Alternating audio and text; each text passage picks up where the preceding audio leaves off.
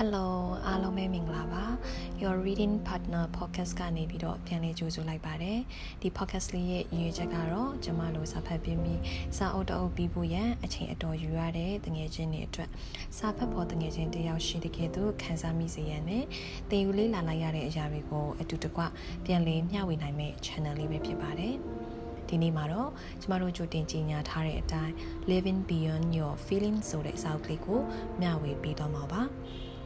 ဒီစာအုပ်လေးကိုတော့ဆီယမကြီး Choice Media ကရေးသားထားတာဖြစ်ပြီးတော့ဆီယမဟာအထူးသဖြင့်လူတွေရဲ့အကူအညီမယူဘဲနဲ့ကိုယ့်ရဲ့တန်ရာတွေကိုကုသလွတ်မြောက်ခြင်းတဲ့သူတွေအတွက်အထောက်အကူပြုစာအုပ်ပေါင်းများစွာကိုရေးသားသူတူလည်းဖြစ်ပါတယ်။ဒီစာအုပ်ထဲမှာကိုယ့်ရဲ့စိတ်ခံစားချက်နောက်ကိုမလိုက်ဘဲနဲ့ကိုကိုယ်တိုင်ကစိတ်ခံစားချက်တွေကိုဘယ်လိုထိန်းချုပ်မလဲ။ဘယ်လိုအရာတွေဖြစ်လာပြီဆိုရင်အမြဲတမ်းထားရမလဲဆိုတဲ့အကြောင်းအရာတွေကိုဆီယမရဲ့ကိုယ်ပိုင်အတွေ့အကြုံများနဲ့တကွပြန်လည်ဝေမျှထားပါတယ်။အထူးသဖြင့်အခုလိုမြန်မာပြည်အနေအထားအရလူတိုင်းလူတိုင်းဟာစိတ်ပိုင်းဆိုင်ရာခံစားခံစားချက်အနေနဲ့အရန်အတက်အကျမြင်နေတဲ့အနေအထားမှာရှိနေပါတယ်။အလောက်ကိုင်းမရှိတော့တဲ့အတွက်ကြောင့်တော့လကောက်အပြင်မှာချင်းချောက်တိုက်ခိုက်မှုတွေကြောင့်တော့လကောက်ကိုချစ်ရတဲ့အမိသားစုတွေနေဆုံးရှုံးသွားတဲ့အတွက်ကြောင့်တော့လကောက်စာဝတ်နေအတွက်အရန်အခက်အခဲဖြစ်တဲ့အတွက်ကြောင့်တော့လကောက်လူကောစိတ်ပါပင်ပန်းနေကြတာဖြစ်ပါတယ်။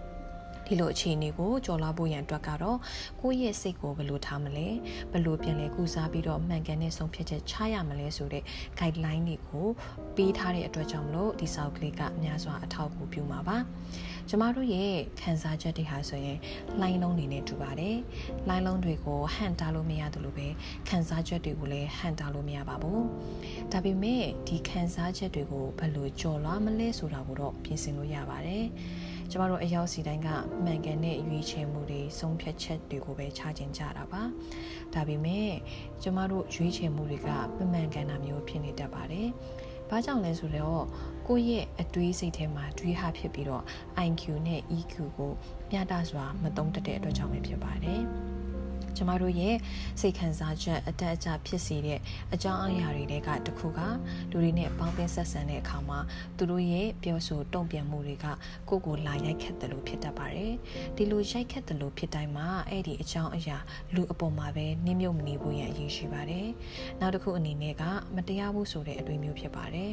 ဥပမာအလုတ်ရက်နာခံလိုက်ရတာမတရားဘူးငါကသူ့ထက်ပိုတာတယ်ဆိုတဲ့အတွေ့မျိုးထားပြီးတော့အမြဲမကြည်မချမ်းဖြစ်နေမယ်ဆိုရင်တင့်အတွက်ပဲထိခိုက်လာမှာပါ။တင်းရဲ့ကိုယ်ရည်ကိုယ်သွေးကိုမြင့်တင်ပြီးတော့ကြော်လာဖို့ရန်အတွက်ရွေးချယ်ရင်တော့တင်ကအောင်မြင်သူအဖြစ်တပံဥမော်လာအောင်ပါပါ။ကျမတို့ရဲ့ starting point ကမကောင်းခဲ့ရင်တော့မှ finishing point ကောင်းအောင်လှုပ်ဆောင်နိုင်ဖို့ရန်အတွက်အခွင့်အရေးရှိပါသေးတယ်။ဒီလိုခံစားချက်ကိုကြော်လာဖို့ရန်အတွက်တင်းရဲ့ပင်ကိုအရေးအသွေးတွေကဘာတွေလဲဆိုတာကိုလည်းသိဖို့ရန်အတွက်လိုအပ်ပါတယ်။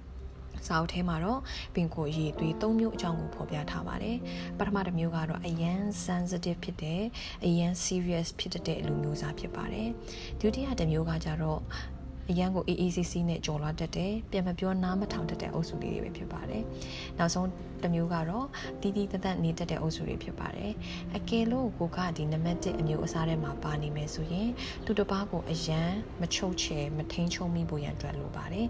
အကယ်လို့နံပါတ်3အမျိုးအစားဖြစ်တဲ့ဆိုရင်တော့စိတ်တည် လေမလွင့်ဖို့ရန်အတွက် plan တွေ list တွေကိုတိကျပြင်ဆင်ထားတင်ပါတယ်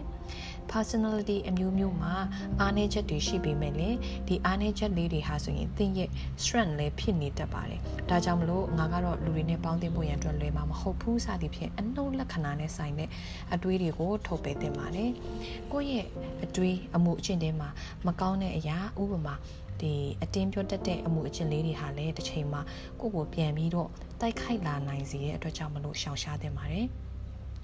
စိတ်ခံစားချက်အတက်အကျတွေဖြစ်ပေါ်တယ်ဆိုတဲ့အရာကတခါတလေကိုယ့်ရဲ့ဘဝထဲမှာလျှို့ဝှက်ထားတဲ့အရာတွေကြောင်ရွံ့ခြင်းတွေဒေါသတွေစိတ်မရှိနိုင်တဲ့အရာတွေတဲ့ကြောင့်ဖြစ်ပေါ်တတ်ပါတယ်စိတ်မြန်လက်မြန်သဘောရှိတဲ့သူတွေအနေနဲ့စိတ်ငြိမ်အောင်အရင်ဆုံးအချိန်ခဏယူပြီးမှသာစကားပြောသင့်ပါတယ်ဒီလိုအရင်ဆုံးအချိန်ခဏယူခြင်းဟာဆိုရင်နောက်အချိန်မှာဆက်ဆံရေးအရာကိုနောက်ပိုင်းဆက်လက်လုပ်ကင်ဖို့ရန်အတွက်ပါအဆင်ပြေစေတာကိုတွေ့မြင်ရမှာပါဒီလိုမျိုးကိုယ့်ရဲ့စိတ်ကိုမထိန်ချုပ်ခြင်းမှုဆိုပြီးတော့လူအများနဲ့မပေါင်းသင်းမဆက်ဆံပဲနေမယ်ဆိုပြီးလုပ်လို့ရှိရင်သင်အနေနဲ့အောင်မြင်တဲ့သူတော့ဖြစ်လာမှာမဟုတ်တလို့စိတ်ပိုင်းဆိုင်ရာကျန်းမာရေးပါထိခိုက်ဆိုးရွားလာတာကိုတွေ့ရမှာပါဒီလိုစိတ်ခံစားချက်ကိုကိုကိုယ်တိုင်ကထိန်းချုပ်ဖို့ဆိုရင်အစမှာခက်ခဲတယ်လို့ခံစားရနိုင်ပါတယ်။ဒါပေမဲ့လက်မလျှော့ပဲအမားလုံးမိခဲ့တယ်ဆိုရင်တော့မှပြန်ထပြီးတော့အချင်းလှုပ်ဆောင် ပေးဖို့ရန်အတွက်လိုအပ်ပါတယ်။ကိုယ့်ရဲ့စိတ်ခံစားချက်ကိုအားပေးအားမြောက်လုပ်ပေးတတ်တဲ့အရာတွေကတော့ကိုယ့်ရဲ့အတွေးတွေပဲဖြစ်ပါတယ်။ဒီတော့ကိုယ့်ရဲ့အတွေ့အထိကကိုယ့်ရဲ့ရှေ့ကိုခြေလန်းလှမ်းနိုင်ဖို့ရန်အတွက်လားဒါမှမဟုတ်ကြရှုံးစီဖို့ရန်အတွက်လားဆိုတာကိုပြန်လည်အဖြေရှာပါ ကိုယ့်ရဲ့စိတ်ခံစားချက်ကိုကိုကိုယ်တိုင်ကတေချာကင်ထွယ်ဖြေရှင်းဖို့မကြိုးစားဘူးဆိုရင်အဆိုးရွားဆုံးအနေနဲ့စိတ်သက်ကြတဲ့အထိဖြစ်လာနိုင်ပါတယ်အကယ်လို့ကိုကပြောင်းလဲဖို့ရလမ်းနဲ့သွားတဲ့အခါမှာကြောင်းရွံ့နေမိတယ်ဆိုရင်တော့မှတက်တာစေဖို့ရန်အတွက်ဆူတောင်းဝတ်ပြုခြင်းနှုတ်ကနေပြီးတော့ကိုလှုပ်ဆောင်နိုင်ကြောင်းဝန်ခံခြင်းလက်တွေ့ခြေလန်းလန်းခြင်းတို့ကိုအမြဲပြန်နေလှုပ်ဆောင်တတ်ဖို့ရန်အတွက်လိုပါတယ်အရေးကြီးဆုံးအနေနဲ့တတိထားမယ့်အရာကခံစားမှုအတက်အကျရမ်းမြင့်မားနေတဲ့အချိန်မှာဒါမှမဟုတ်နှိမ့်ကျနေတဲ့အချိန်မှာအရေးကြီးတဲ့ဆုံးဖြတ်ချက်တွေကိုမချမိဖို့ရန်ပဲဖြစ်ပါတယ်အကယ်လို့ကိုခံစားရတဲ့အရာတွေကတူးတယောက်ကိုဖွင့်ပြောလို့ရနိုင်တယ်ဆိုရင်လည်းယုံကြည်စိတ်ချတဲ့သူကိုဖွင့်ပြောပါမဟုတ်ဘူးဆိုရင်လည်း diary အနေနဲ့ချရေးပါအယံမွန်းချက်လို့ငိုချင်တယ်ဆိုရင်လည်းငိုလို့ရပါတယ် အချို့အဖြစ်ပြောရမယ်ဆိုရင်တော့ကိုကစိတ်ခံစားမှုကိုထိန်းချုပ်မယ်ဆိုရင်ခြေလန်းလန်းပါထိတ်တိုက်ရင်ဆိုင်ပါလို့အားပေးချင်ပါတယ်အားလုံးလည်းဒီစာအုပ်လေးကိုနှစ်သက်မယ်လို့ယုံကြည်တယ်မဖတ်ရသေးဘူးဆိုရင်လည်းဖတ်ဖို့ရန်အတွက်အားပေးလို့ပြီးတော့ဖတ်ပြီးသွားရင်လည်းဝေမျှဖို့ရန်အတွက် page ရဲ့ comment box ကနေတစ်ဆင့်ဝေမျှဖို့ရန်ဖိတ်ခေါ်လိုက်ပါတယ်နောက်ပတ်ဒီမှာလည်းစိတ်ဝင်စားဖို့ကောင်းတဲ့စာအုပ်ကလေးတွေကိုဆက်လက်ဝေမျှပြီးသွားမှာမလို့ like and follow လုပ်ထားဖို့ရန်လည်းမမေ့ပါနဲ့နော်